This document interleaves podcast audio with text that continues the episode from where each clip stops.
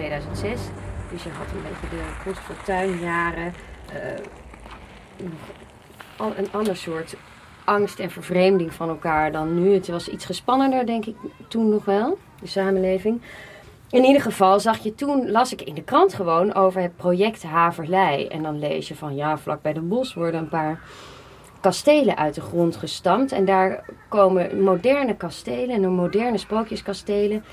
En daar komen mensen te wonen. En toen, ja, dat triggert natuurlijk wel. Aan de ene kant denk je, wie wil nou wonen in een soort nepkasteel, een soort eh, Walt Disney stelde ik me voor, achtig landschap buiten de stad. Wie wil dat nou? En aan de andere kant kun je denken, het, het, werden, het worden en werden prachtige gebouwen in het, in het groen. En het is toch ook wel heel mooi en eh, heel modern en van alle gemakken voorzien. Dus je kunt je ook aan de andere kant heel goed voorstellen dat je daar wel wil wonen.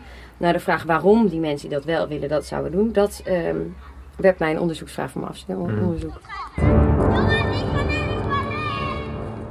Rond 8 uur s'avonds is het buiten doodstil en lopen er op het slot misschien nog een paar mensen rond. Maar op de binnenplaats van Lelienhuizen kun je een speld horen vallen. Een bewoonster, 29, samenwonend zonder kinderen.